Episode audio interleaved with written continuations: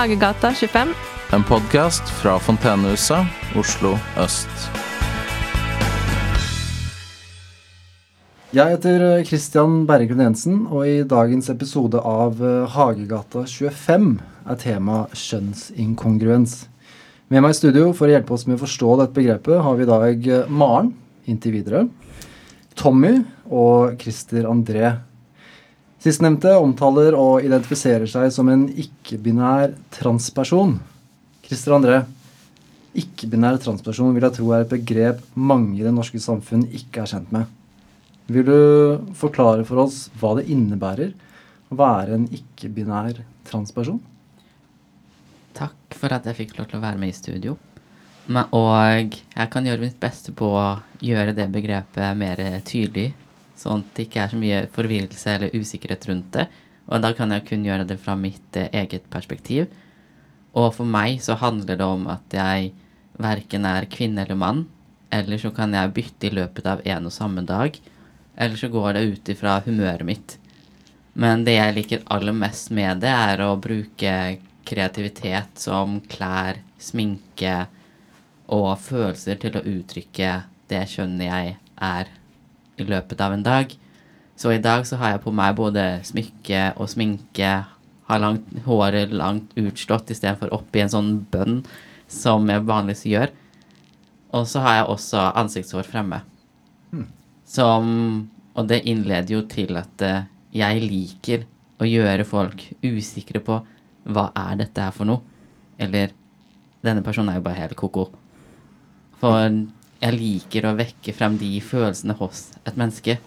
For det viser at eh, det finnes flere ting der ute enn mann og kvinne eller hund og katt. Det finnes så veldig mange ting mellom himmel og jord som en kanskje ikke te er, har tenkt over, eller burde en tenke over det egentlig. Men det mest interessante med det hele, som er mo veldig morsomt Nå avslører jeg sikkert noe som kan være interessant til lengre i samtalen også, men som vekker spørsmål. Ja. Og, og det er jo at uh, veldig mange tror at jeg er biologisk mann og er, har lyst til å bli en kvinne, og at jeg er kjempeflink på å være feminin og få til å ha langt hår og ha bryst og hele den pakka. Det syns jeg er kjempeinteressant, så folk allerede der tror at jeg er noe helt annet enn det jeg er. Så, så det er et vanlig spørsmål for deg å få, at du eh, egentlig er en mann, men forsøker å være Ja. kvinne? Det er kommentarer og spørsmål jeg får Ja. veldig ofte. Så det syns jeg er veldig interessant, for da klarer jeg å uttrykke det jeg har, all, har lyst til å gjøre. At det blir forvirret og skjønner ingenting. Men så tør du ikke å spørre, for du vil ikke tråkke, tråkke i salaten, som jeg liker å kalle det. Får du mange rare, ubehagelige spørsmål tilknytta din identitet? Det gjør jeg. Og kommentarer i, og tilbakemeldinger også. Jeg har jo blant annet fått høre Det første jeg gjorde når jeg sånn offentlig holdt et foredrag om det, var jo å få spørsmål som Har du pikk? Skal du fjerne, fjerne brysta dine? Hvilke operasjoner har du tatt? Hva har du mellom beina dine? Og det er litt slitsomt å høre det veldig ofte. Men jeg tar det til meg og bruker det til å heve meg over det, og bruker det til kreativitet og faktisk stå på og skape sånn at eh, samfunnet og miljøet blir bedre for de som kommer etter meg. Og jeg har jo allerede flere forbilder, forbilder som ser opp til meg, og som jeg òg har, med å være den jeg er. Og det er jo sterkt i seg selv, det å allerede nå vite at lille, rare meg har noen som ser opp til meg, både i Norge og i andre land. Og det er jo noe som jeg må absolutt ta til meg. For det er jo ikke bare bare å bane vei for andre når det gjelder en ting som kjønnsidentitet eller kjønnsinkongruens, som du nevnte innledningsvis. Ja. Det er, det er jo kjempeflott at du, du har øh, banet vei og er et forbilde for mange. Samtidig så sitter jeg med spørsmål øh, rundt din reise, da, og som ikke-binær transperson. øh, øh, hvordan opplever du, du Vi har vært litt inne på det, men hvordan opplever du det å være en ikke-binær transperson i det norske samfunnet i dag? Det er veldig, for meg så er det veldig utfordrende og tungt. Men det er også veldig gøy og veldig morsomt i ulike settinger. Som f.eks. på et fontenehus. Så kan jeg jo være meg uten filter. Og det sprer glede til andre, og folk blir glad i meg fordi jeg tør faktisk å være ekte og den jeg er. Men hvis jeg er på et jobbintervju eller andre settinger, så lurer jeg på å tenke på Må jeg fjerne ansiktshåret mitt? Kan jeg ha håret løst? Må jeg ha det oppsatt? Kan jeg bruke sminke her? Må jeg ha på meg mer feminine klær her, eller maskuline klær? Eller skal jeg bare ikke tenke over det og bare være den jeg er? Og det er jo slitsomt å gå rundt og tenke på det. Men det, jeg blir jo styrket av det, for jeg møter jo så mye motgang og mye spørsmål og stigma som jeg gjør mitt beste på å fjerne ifra samfunnet. Sånn at samfunnet skal bli mer åpent og mangfoldig, og at folk bare vær den du er, og vær den du er uten filter. Men eh, når du da møter opp på jobbintervjuer eh, og lignende situasjoner, eh, er det en identitet du oftere velger å gå for? For du nevnte jo innledningsvis at du sa du er verken kvinne eller mann, eller begge deler. Og det avhenger litt av hvordan du kler deg. Når du går på jobbintervjuer eller andre offentlige møter, da, er det noe du velger frem, eh, fremfor det andre fordi kanskje det er det trygge valget? Eller, eller utfordrer du de du møter? Jeg tror ikke jeg faktisk utfordrer dem, men for jeg går for det trygge og det feminine fremfor det maskuline. Det er fordi jeg syns navnet mitt innlyser veldig til min identitet.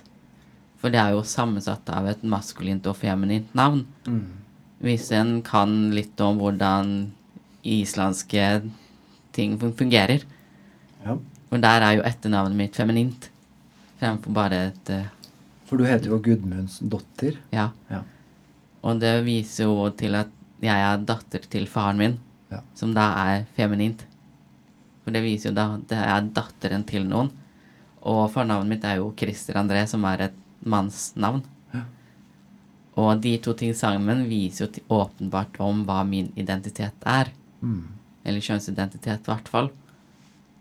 Og jeg tror ikke veldig mange tenker over det, egentlig. Så da går jeg jo for å være en, en feminin person. Eller en blanding av femininitet og maskulinitet. Så du heller altså mer mot det feminine. Ja. For det er jo trygt, og det Jeg har jo fremdeles kroppsdeler som mange kvinner har, og andre har, som syns ved de fleste klær jeg har på meg.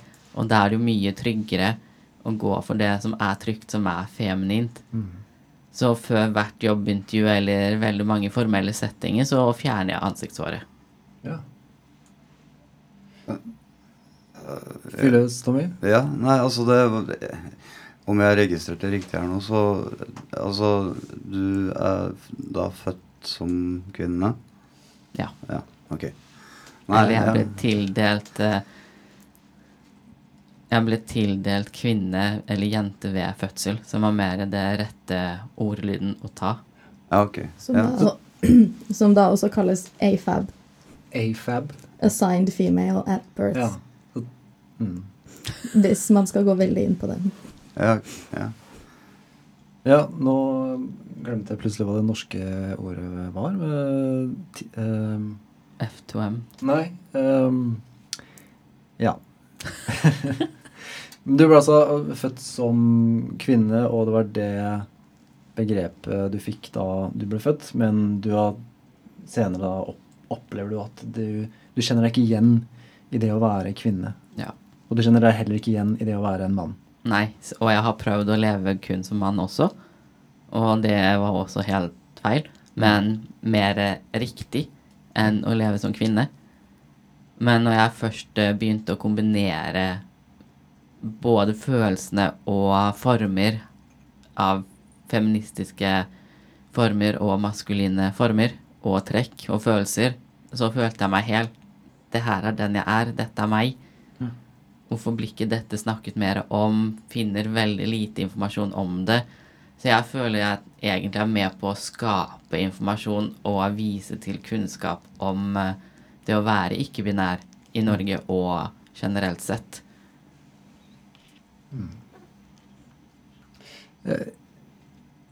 I, i, generelt i, i samfunnet så, så blir jo dessverre menn og kvinner møtt annerledes i arbeidslivet. Eh, eller det offentlige rom, da. Du sier at du oftere velger å gå for kvinne enn mann. Har, men har du selv opplevd eh, å bli forskjellsbehandla som kvinne og mann? Nei, men Eller jo, to ganger. Men ikke sånn Ikke i noe møte Ikke ved møter eller turer eller restaurantbesøk. Det ene var når jeg prøvde å stille til valg for å sitte i styret til tidligere Akershus fylkeselevråd. Og da var, handlet det jo om kvoteringer. hvor det dreide seg om Da måtte jeg velge om jeg skulle stille som kvinne eller mann eller jente eller gutt, da, siden det var for ungdommer og videregående skole. Så jeg var jo med på både å presentere og prøve å få folk til å stemme på meg, fordi jeg følte jeg brakte frem et veldig viktig perspektiv om at eh, styret burde være mye mer mangfoldig og ta inn de som har lyst og har en stemme å få frem. Men det ville ikke de, fordi da måtte de endre både vedtektene og politikken sin og alt det juridiske og byråkratiske rundt det. Så da ble jeg jo ikke stemt inn, for da måtte jeg velge kvinne eller mann. Mm. Så da tror jeg jeg valgte kvinne, faktisk. At jeg var en av jentene som ble, ble stemt inn, selv om jeg da har et maskulint navn. Navn, ja. Så dårlig gjort. Ja. Det er jo ting som burde være endret for kjempelenge siden. Det, Det det, burde være mer inklusivt. Det er dårlig gjort. Og den andre gangen, som var, er enda mer eh, underlig, er at jeg ble nektet å hente ut en reseptbelagt medisin på et apotek, som da er medisiner for menn. For det, jeg går jo på hormoner og har gjort det nå i fem-seks år. Men når jeg først skulle hente det ut, så ble jeg jo møtt med stigma, fordommer, diskriminering og trakassering. Hvor jeg til slutt ikke orket å stå og lære opp en apotektekniker eller farmasøyt om hormoner og kjønnsidentitet til å begynne med. Så jeg tror jeg holdt på i 45 minutter til en time med det i apotekskranken. Til slutt så bare gikk jeg, for jeg orket ikke det her. Og en person jeg var med da, fikk også angstanfall i tillegg til at var der, for det var to stykker som da ble diskriminert og trakassert. For da trodde den apotekteknikeren at, jeg skulle hente ut en medisin for en annen person, som også da er transkvinne i tillegg. Så det ble sånn Nei, det her går ikke. Så da dro vi unna. Og brukte, så brukte jeg tre dager på å finne ut hvor kan jeg hente det her ut. Så da måtte jeg innom et apotek som kunne prøve å finne ut hvordan jeg kunne hente den ut. For det apoteket jeg var innom, hadde ikke avsluttet behandlingen, så det var fortsatt åpent at jeg skulle hente denne resepten ut på det, det apoteket. Så da måtte jeg innom samme apotekkjede et annet sted i Oslo, da. Men er ikke eh, resepten på navnet ditt, liksom? Jo. Så fikk du ikke henta den? Nei. Ikke Fordi- med fødselsnummer og ID og ikke Nei, fordi sånt. da kommer det jo opp at eh, jeg er registrert som kvinne i juridisk. For det har jeg jo ikke endret, og jeg kommer jo ikke til å endre det. Så da, og testosteron er jo medisiner for menn som har lavt nivå av testosteron i sin egen kropp. Og siden mitt kjønn er kvinne, så var det vanskelig å få hentet det ut. Men på det andre apoteket så går det helt fint. Ja. H- Hvordan eh, merker du eh, Jeg tenker på dette her med bruk av testosteron og sånne ting i forhold til eh, det med å identifisere deg i, forskjellige tidsperioder, da. Ettersom jeg, hvis jeg forsto riktig, at litt etter humør og sånne ting. Så, men eh, altså dosering og sånn av testosteron og sånn, går det også litt sånn etter humøret, eller åssen er det? Hvordan fungerer det? Jeg, tar det absolutt ikke etter humøret, for det blir jo da innom selvmedisinering, som jeg anbefaler absolutt ikke å gjøre det. For, ja. for å høre deg med en lege eller en som har peiling på det. Så det er ikke lurt å selvmedisinere seg, og jeg oppfordrer ikke til det i det hele tatt. Det må jeg bare understreke. Men jeg startet jo med lav dose til å begynne med.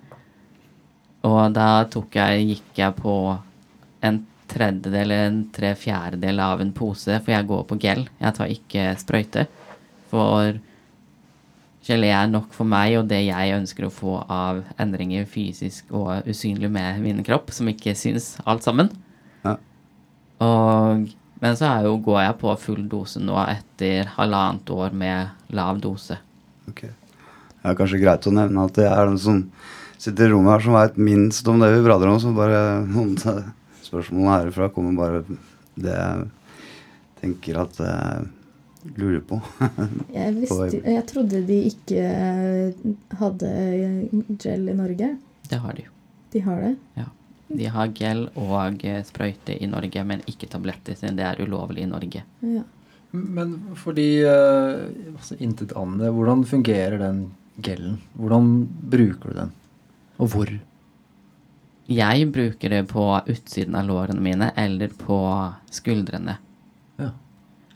Og lar det tørke inn i 15 minutter før jeg tar på klær og vasker hendene i hvert fall i ett et minutt, for det kan smitte over på andre, både i klær eller andre ting en er inntil, da. Jeg har forstått det sånn at du Når man benytter en gel sånn som det, eller en salve, da, at man må holde seg under andre mennesker eller dyr de neste to timene. Stemmer det også for deg i det tilfellet med din, din gel? Ja, men med mine klær så er jeg ikke så tenker jeg ikke så mye på det, for det, det er mine klær, det skal på min hud. så jeg tenker at det må være innafor. Ja. Men jeg lar det tørke inn i hvert fall fem minutter, for det er jo en krem eller gelé som skal trekkes inn i kroppen og inn i huden. ja. Vil du si noe, Tommy? Nei, ja, nei, altså ja, Jeg bare prater rett ut fra det som kommer Ja, i huet, da. det det- så ut som du hadde et spørsmål, så da jeg må fyr løs. Ja, nei, det falt egentlig litt bort, men nei, det var eh, litt rundt Eller litt uh, inn på dette med, med testosteron og sånn. Hvordan er det sånn Merker du det er, Hvordan merkes det, holdt jeg på å si? Altså Må prate til en som ikke skjønner en dritt av dette her, da. Men uh, når du uh, Testosteron i kroppen når du påfører dette her over tid og sånne ting, hvordan er det Kjennes det forandring i følelsesmønster og sånne ting, eller? Den aller første dagen så var det som at jeg kunne løpe fem maraton i løpet av ett minutt. Okay. For det var sånn at uh, flere kilo av belaste og bekymringer bare fløyt av skuldrene til hvis man går med en tyng, tung sekk med mange mursteiner oppi, og så bare kan du gå rakrygget og føle kjempebehagelig følelse med akkurat den første dagen. Det var jo veldig Det føles veldig behagelig og riktig ut da, og det gjør det fortsatt. Men hvorfor kom den følelsen? For da hadde jeg kjempet i halvannet år med å få det her til. Brukt mange timer og energi på det her er riktig for meg, dette er den jeg er. Og for å kunne bli den jeg er, så må jeg ha det her. Så, så følelsen kom av at du hadde nå begynt på behandlingen, ikke at behandlingen hadde begynt å virke? Ja. ja. Så Men- virkningen kom først litt senere? Og, vir eh, ja, og virkninger for meg, da, eller for min, i min reise, så kom de etter to og en halv måned. Det har jo med min egen kroppslige fysiologi og biologi til å begynne med, og genetikk, som også er veldig viktige aspekter oppi alt dette her. For det å endre kroppen sine hormoner, og hormonsystemet er det viktigste og sentrale systemet til en kropp. Så hvis en endrer det, så endres jo muskel- og skjelettsystemet, lymfesystemet, kretsløpet Alt det endrer seg, for de systemene prater jo sammen. Så etter to og en halv måned så begynte stemmen min å bli litt sånn eh, Kom jeg i stemmeskifte? Og ansiktshårene begynte å komme, og da fikk jeg jo igjen kommentarer som Jeg tror du bør dra til legen, for det er noe galt med stemmen din. Og hvorfor bruker du sminke når du har ansiktshår? Eh, Hvorfor Det er noe galt med stemmen din. Hvorfor bruker du øredobber da som er rosa? Og slike ting. Jesus Christ. Ja. Ja. Men Var det, dette var, var dette personer som var klar over at du gjennomgikk Ja. Ja? Tidligere kollegaer også. Så du tenker at de burde kanskje visst bedre? De burde visst bedre om min situasjon, ja. Men det å være usikker på noe som er nytt, og de ikke har så mye kunnskap om, så er det jo forståelig at eh, de kommer med slike kommentarer eller spørsmål. Så det er jo forståelig. Men de visste jo allerede fra starten, når jeg søkte jobb der, at det her er det, dette er meg, og jeg skal gjennom en slik prosess. Jeg bare vet ikke når det får begynt. Så fikk jeg også høre at vi kommer ikke til å omtale deg noe som mann før du viser synlige tegn og trekk på det. Og det var eieren av den kjeden av jobb jeg jobb hadde da. Det må jo være en slags Det må, eller det må jo være en reise, dette her. Og, eller en kanskje never-ending reise, jeg vet ikke. Altså med tanke på fra du begynte med, med den uh, geleen, var det det? Ja, reisen begynner jo før det. Jeg har jo visst det her siden jeg var åtte år gammel. Ja, ja. Fordi jeg, jeg, jeg, jeg har tenkt på det gjennom intervjuet så langt, at jeg, jeg har lyst til å gå tilbake igjen der det startet, når du når du begynte å kjenne på den uh, altså, Du ble født som, som jente, så begynte du etter hvert å kjenne ok, Jeg kjenner meg ikke igjen. Og så begynner den reisen for deg. Hvordan, ja, hvordan begynte det? Det startet jo det hele med at jeg følte meg mye mer komfortabel i alternative klær som bukser som var rutete, som var røde med svarte striper på, som så ut som sjakkbrett, bare i andre farger. Og mer eh, T-skjorter som var svarte med ulike bandlogoer på, eller som var litt mer eh, mas hadde maskuline preg ved seg. Og absolutt ikke klær som hadde blonder eller glitter og paljetter på. Som er litt stikk motsatt av det jeg har på meg nå av antrekk og så, slikt, men det får da være. Og så var det jo når jeg Da gikk jeg jo også på barneskolen. Og hadde, som barn så leker man med det meste og det rare og kreative. Og det er fantasien som stopper igjen. så da hadde jeg en veldig morsom lek med en tidligere skolekamerat, eller klassekamerat. Og vi da lekte med at vi skulle lage en penis til meg. Ut av en, en tregjenstand som faktisk så ut som en penis. Det hadde bare ikke ballene eller pungen. Hadde alt det andre. Det var sånn Dette tok vi inn i min buk underbukse og bukse og lekte med det som åtteåring. Åtteåring, ja. Wow. Og det kjentes veldig riktig og veldig behagelig ut, da. Det, det er jo Og det her, den her opplevelsen har jo ikke jeg fortalt til noen før. Nei. Så ja. Men det er jo liksom altså, rundt den alderen hvor eh, Det er jo ikke så uvanlig å leke doktor, for å si det sånn, på, rundt den alderen. Uh, av egne erfaringer, liksom. Man begynner å bli uh, nysgjerrig på sin egen seksualitet og sånne ting. Det tror jeg de fleste gjør, egentlig, vel. Ja. Absolutt. Men til dagens dags dato, da alle disse følelsene og reaksjoner på eh, hormonendring, så jeg har ikke gråtet ordentlig de siste fem årene. Så da kan det jo være testosteron eller mannen i meg som gjør at For menn gråter ikke. Menn gråter jo absolutt, det er jo ikke det, men jeg gjør ikke det. Og før så strigråt jeg, kunne være et fossefall av gråting. Og nå klarer jeg så vidt å felle en tåre for noe som er veldig sterkt og veldig viktig. Tenker du at du var mer i altså, hormonell ubalanse tidligere? Kanskje, jeg vet ikke. Jeg, jeg kjenner noen som eh, begynte på testosteron for ikke sånn veldig lenge siden. Som eh, gråt masse og sluttet helt Etter at de begynte. etter at de begynte. Eh, Og, men når det er å prate om libido, der, der er jeg mannemann, mann, mann, mann. Så Ja. ja, Ok. det er også veldig vanlig. det er veldig vanlig. Det er Libido kanskje bare noe av det man leser mest om. Sexlysten. Ja. Ja, okay, Ja. Så sexlysten økte betraktelig etter at du begynte på Ja. testosteron? Det makes sense. Ja. Men Så alle kvinner burde egentlig begynne på testosteron? Lite grann? Nei. Hvorfor det? Hvorfor hvis nei. skal alle kvinner øke libidoen Hvis det, sin? øk, hvis det økte Altså Det er jo Litt, litt fleip, kanskje. litt fleip, ja. Litt fleip, det må være lov. Ja. Må ha litt galgenhumor i ting som er tungt. Ja. Det er veldig viktig. Veldig Men det viktig. var jo Det er i hvert fall for meg, da, så var, ble jo det økt. Og det er, veld, det er litt interessant og fascinerende å kjenne på og se hvordan kroppen endrer seg med, over tid, over flere år. Plutselig så kan kroppen reagere på Nei, nå lager jeg mat. Hvorfor reagerer kroppen sånn da, bare ved å tenke på en hyggelig tanke om et annet menneske? Ja. Når jeg absolutt ikke har reagert sånn i det hele tatt før. Det syns jeg er veldig fascinerende. Så var det helt fraværende før, eller var det Ja. bare veldig dempet Fraværende. totalt? Ja. ja. Så du var aseksuell frem til du begynte på testosteron? Nei. Nei, ok. Men du hadde ikke lyst? Jo, men det var Jeg har aldri hatt den følelsen av å være kåthet, da. Ja. Kåt og kåtheten og sexlysten har aldri vært der. På en likt nivå som det er nå. Nei, sånn, ja. Grunnen til at jeg sa at det hang litt på greip, eh, tenkte jeg på, for at det er jo en relativt eh, kjent sak, det at eh, Altså oss gutta, for å prate for eh, Eller meg, gutta, da.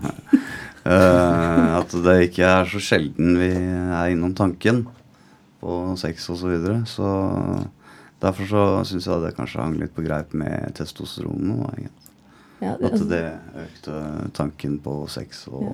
det gir mening. Men det, altså At uh, sexlysten øker når man begynner på testosteron, det gir mening.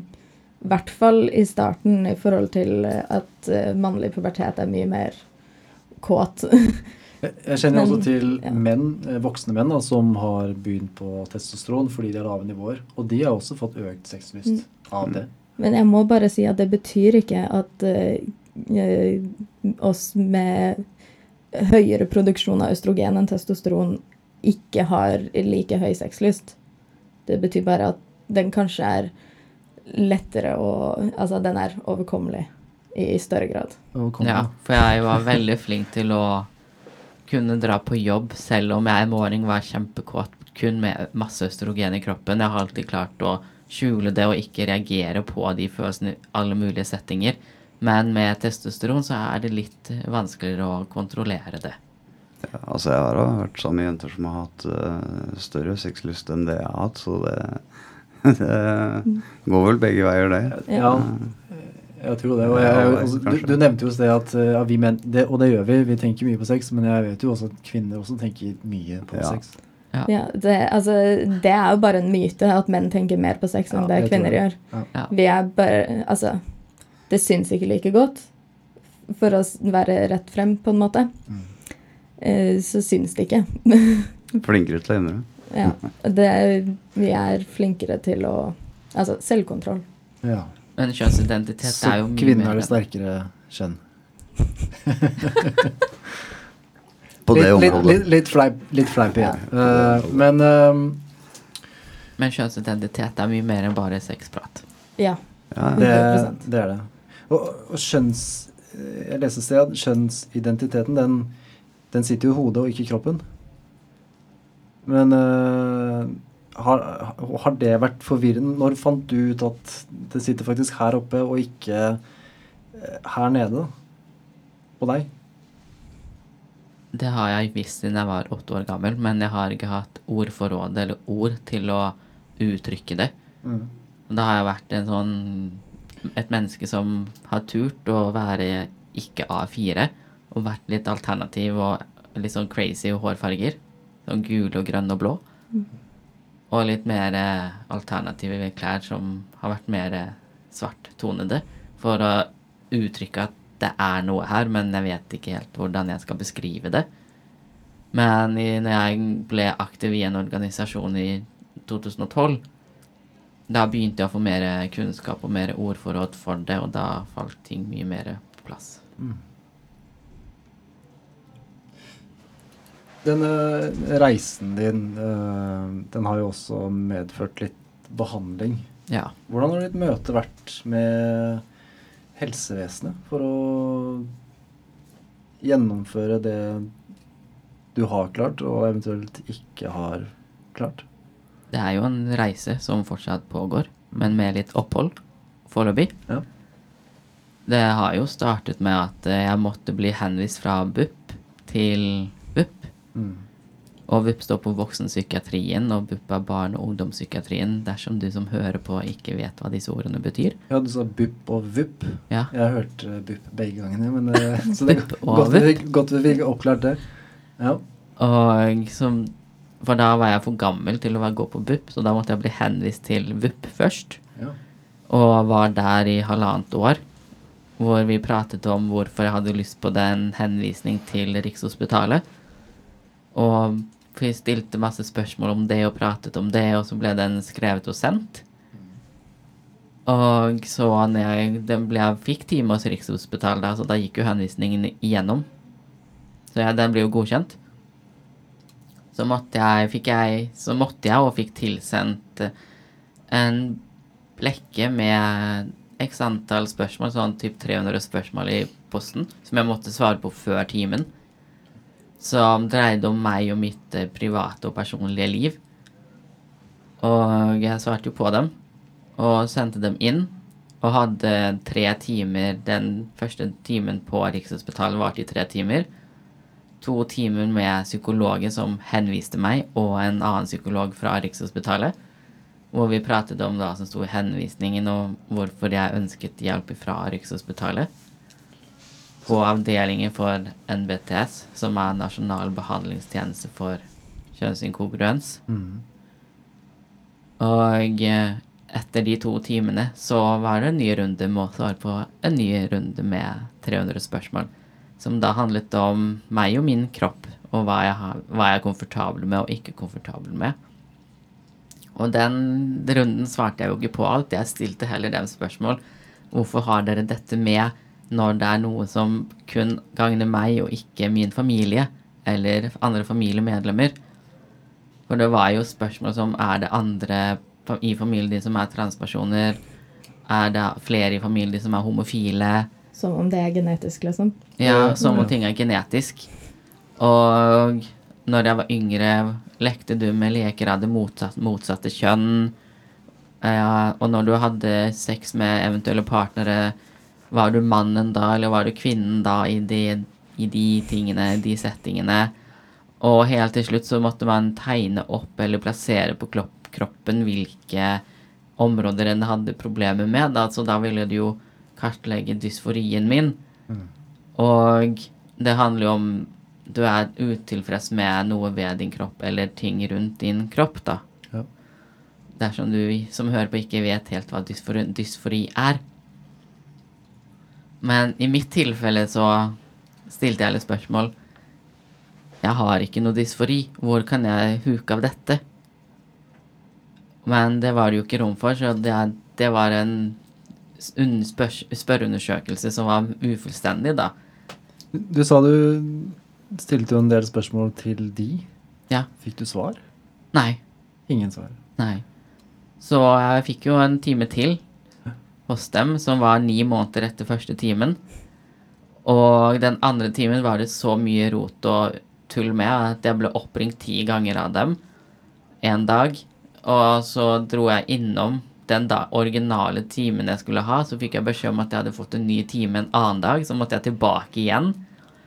For det, da fikk jeg beskjed om at de kun ønsket å ha meg på en time fysisk for å forklare meg at uh, min behandling på Rikshospitalet var avvist og avslått grunn av jeg hadde store identitetsproblemer og kom tilbake igjen når du har fått ordnet opp i dem.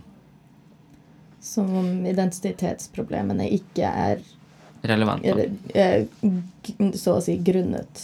Ja, altså knyt, knytta til eh, Ja, ikke sant. Og det var det jo avdelingslederen på den avdelingen som sa til meg personlig. Hva la de til grunn for at de mente at du var uh, ja, forvirra?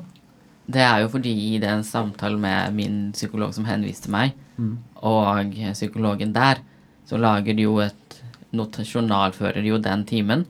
Og psykologene på den tiden hadde måttet da skrive en sånn anbefalingsbrev i etterkant av den timen for å understreke eller bekrefte det jeg sa. Og da var jo de mer enige med den psykologen sitt eh, anbefalingsbrev i stedet for å faktisk lytte til meg en gang til. Og siden jeg pratet om at det hadde, gjorde ikke noe for meg hvordan min kropp så ut Jeg kunne godt ha bryster og penis, eller bare penis og flatbrystet, eller eh, det kvinnelige kjønnsorgan og flatbrystet, det gjorde ikke noe for meg. Men det som gjorde noe for meg, var det indre som endres ved kroppen ved hormonbehandling. Som ikke alltid alt synes utad. Så på grunn av det så fikk jeg jo da høre at eh, kom tilbake når du har fått ta, ordnet opp i dine identitetsproblemer. Idioti, vil jeg si. Ja, det det, ja, det må jeg si meg enig i, virkelig. Da du skulle ha disse samtalene, øh, forberedte du deg på noen, noen spesiell måte? Jeg pratet med en veldig god person, en veldig hyggelig person om hvordan jeg skulle svare på alle disse 600 spørsmålene. Men også hvordan jeg skulle oppføre meg under samtalen på Rikshospitalet. Så jeg fikk jo beskjed om å finne mine mest maskuline klær og holdningen jeg skulle sitte, sitte breibent, sitte og skjule overkroppen min for at jeg ikke var ukomfortabel med å ha bryster og være skikkelig laidback, men maskulint og ha en sånn skikkelig yo, what's up, dude? Den attituden der.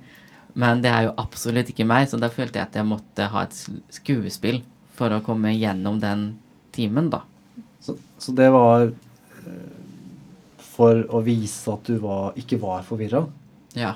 men så slo det feil ut, og det faktisk kanskje medførte at du øh, oppfattet, ble oppfattet mer forvirra?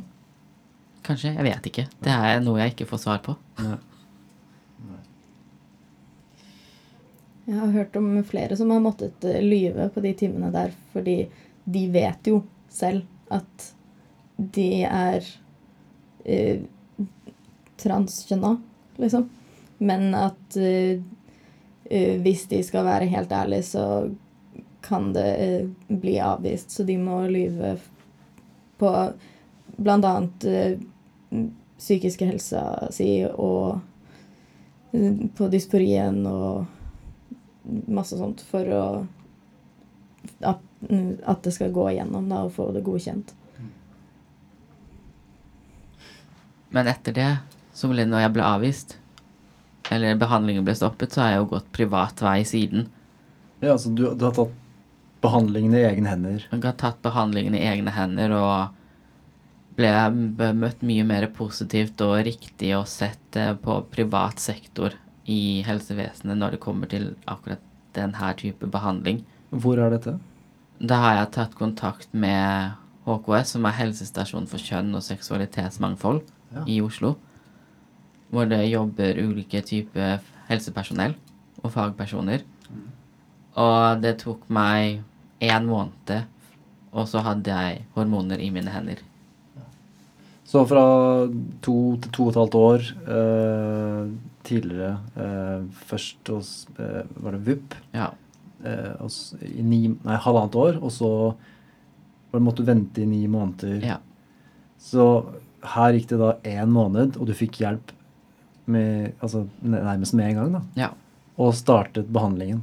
ja. Det det- eneste jeg måtte undersøke, det var å ta blodprøver for å se om kroppen min faktisk sånn på fysiologisk nivå klarte endringene som skjer med kroppen, da. Mm. Og det fikk jeg godkjenning for egentlig nesten samme dag. Ja. Hva, slags, hva slags undersøkelse var det? Det var jo bare å ta blodprøver, og så var, måtte jeg svare på Jeg likte det spørsmålet jeg fikk veldig godt. Hva kan butikken min hjelpe deg med i dag? Butikken? Ja, det ble, ble, ble brukt metaforisk, for da gikk, pratet jeg med lege og sexolog Espen Ester, Ja. som er veldig anerkjent innenfor det her Mm. temaet til å begynne med. Som er veldig kul og veldig hyggelig. Og det er bare Ja, hva kan min butikk hjelpe deg med? Hvorfor er du her? Og det er jo ganske innlysende at hvis en prater med Espen Ester om det meste, så er, har en lyst på hjelp til noe. Dysforien er kanskje ikke like sterk hos meg som hos en annen person. Mm. Men det betyr jo ikke at man skal bli sidestilt i en, i en behandling og få hjelp. Nei. For alle skal få like verdig behandlingstilbud og mulighet Mm. for det de ønsker behandling og hjelp til. Ja. Og det fikk jeg jo svar på. Ja, det her kan du begynne på, men du må først ta, ta blodprøve, fordi hen ville se resultatene av det på sånn svart på hvitt. At det faktisk var forsvarlig for meg å begynne. Og det fikk jeg. Og fem-seks år etter så sitter jeg her nå med mørkere stemme og skjegg. Jeg tror kanskje en av eh, tingene folk har litt uh, vanskeligheter med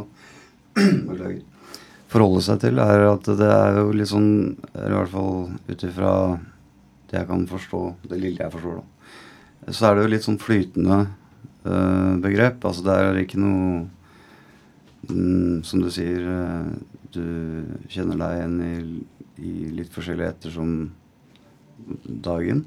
Eller, ja, ja. Så det er jo litt sånn uh, Ja, da blir det jo litt flytende, og det kan kanskje være litt, litt forvirrende for folk, da. På, det er gøy. Det er kjempegøy. Ja, okay. Jeg også identifiserer meg selv som eh, eh, flytende. Det, Ja. det er begrepet jeg bruker. Ok, Yes. Og jeg, får, og jeg bruker kjønnskreativ. ok, kjønnskreativ. Kjønnsflytende og kjønnskreativ. Mm. For du nevnte jo, eller i sted, eller jeg eh, sa, uh, Ja. Maren inntil videre. Ja. Hva mener du med det?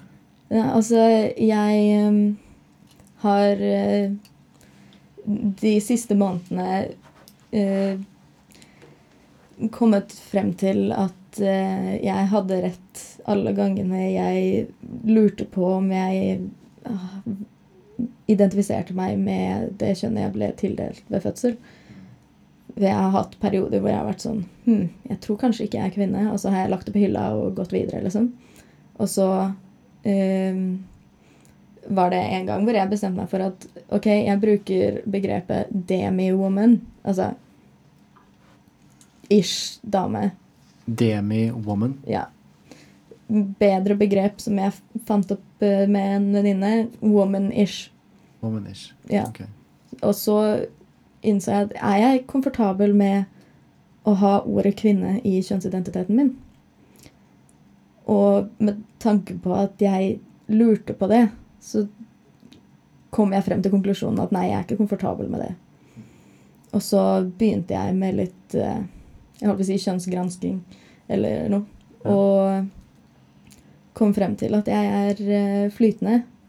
Det varierer veldig fra dag til dag, time til time, eh, uke til uke, måned til måned, år til år. Og navnet mitt, Maren, er veldig feminint lada. Ja. I hvert fall i dagens samfunn. Og det er jeg ikke komfortabel med. Fordi når folk hører navnet mitt og ser meg, så tenker de 'Å ja, dette er en kvinne'. Ja. Og det liker jeg ikke.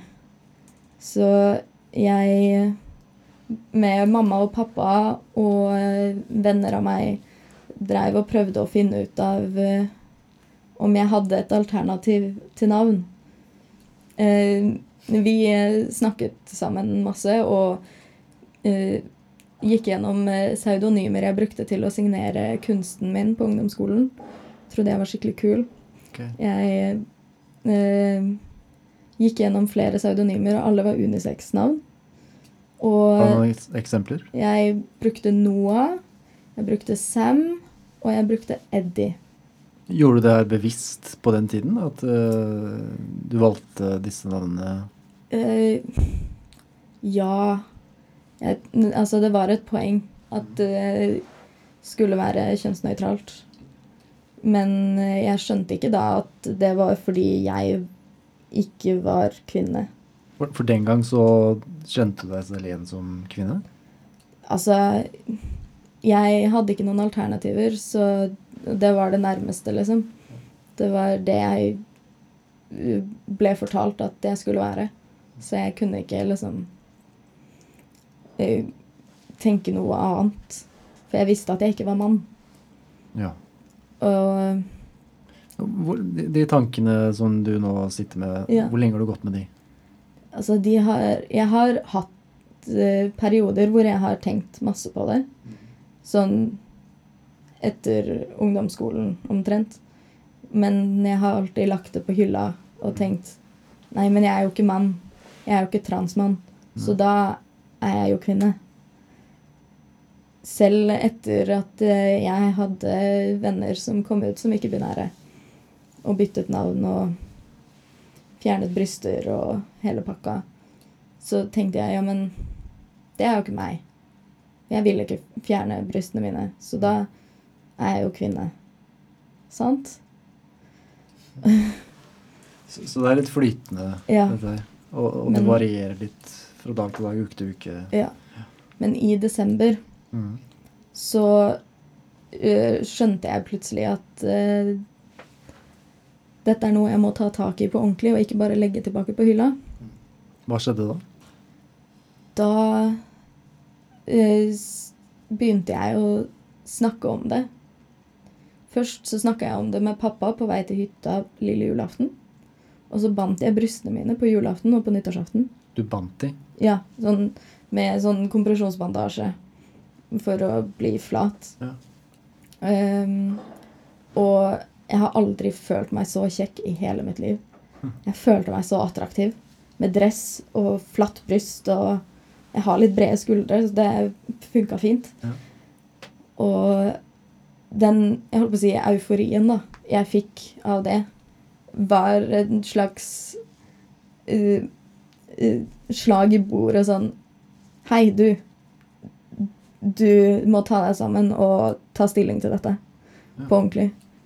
Og så uh, Jeg har en tendens til å bare Å ja, OK, det, dette er meg, så da løper jeg i den retningen. Og jeg ville ikke liksom gjøre noen forhastede konklusjoner. Men fordi korona, jeg har ikke hatt noe annet å gjøre, så har jeg jo bare sittet og tenkt siden desember.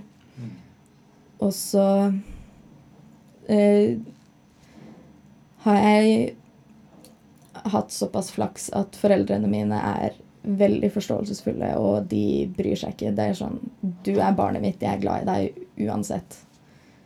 Og fordi de ga meg navnet mitt da jeg ble født, så ville jeg at de skulle få lov til å være med og velge et nytt navn. Og du har nå et nytt navn?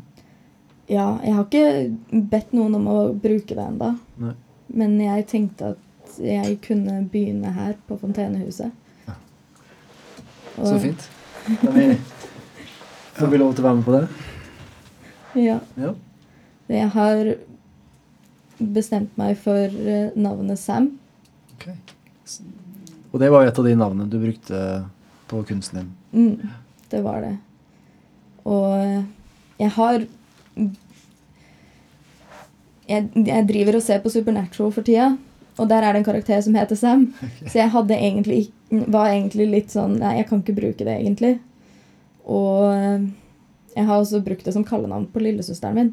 Ja. Fordi Sam var lille, er lillebroren i TV-serien. Supernatural. Og, Ja. Og hun er jo lillesøsteren min, og vi kledde oss ut som dem på sånn convention i Lillestrøm. Og de som vet øh, noen ting, vet at jeg snakker om Desicon. De, Desicon. Desukon. Desicon. Det er en convention. Ja, det er Norg... Var Norges eh, Oi. Svar i hermetegn på eh, Comic-Con. Ok. Um, og da kledde vi oss ut som disse brødrene. Så- For de som ikke heller er kjent med Comic-Con, eh, Mm. som er blant annet meg. Ja. Nerdekonvensjon. Nerdekonvensjon, nerdeconvention, og de kler seg ut som eh, Star Wars, Harry Potter Ah, okay. eh, så videre. Ja. Mm. Jeg veit hva Comic-Con er, jeg, da. Ja, og altså Superhelter, whatever. Um, og da begynte jeg å kalle henne for Sam og Sammy. Ja. Så jeg måtte spørre henne om tillatelse først. Men hun sa at det var greit. Det kom til å bli rart, for hun reagerer fortsatt på det navnet. Men eh, hvis det er navnet mitt, så lover hun å venne seg til det. mm. Så Men er det noen um, Litt tilbake til det med det flytende. mm, Og i forhold til ehm, Altså er det på Dette er bare spørsmål som dukker Ja, ja, opp for meg. på.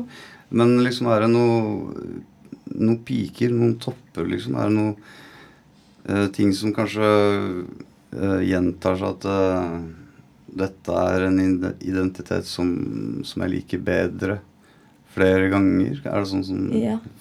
fungerer Jeg- på den måten? Jeg har eh, nå, etter at jeg eh, Jeg holdt på å si eh, godtok at eh, dette er meg, så har jeg vært mye mer androgyn. Sånn verken mann eller kvinne, på en måte, enn jeg var før. Jeg kjenner at jeg føler meg mye mer komfortabel når jeg ikke har et spesielt Altså et veldig maskulint eller feminint uttrykk, men noe midt imellom, eller en slags blanding. Sånn lange øredobber og smykke, men en flatt bryst og uh, Ja, det er liksom Så Mm. vil du da si at du er eh, Eller du identifiserer deg mer som slik som Christer André? Verken eller? Ja. Men så har jeg også perioder hvor jeg er Uh, Altså, jeg har perioder hvor i dag så skal jeg ha på meg pushup-bh, sminke og kjole. Ja. Ikke sant? Så i dag opp, føler du deg som en kvinne? Ja, det altså, ja, det er sånn, jeg har sånne dager. At jeg liksom I dag er jeg kvinne.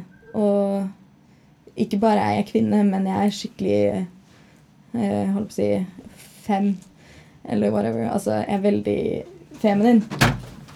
Jesus Christ. Ja. Ja. Yes!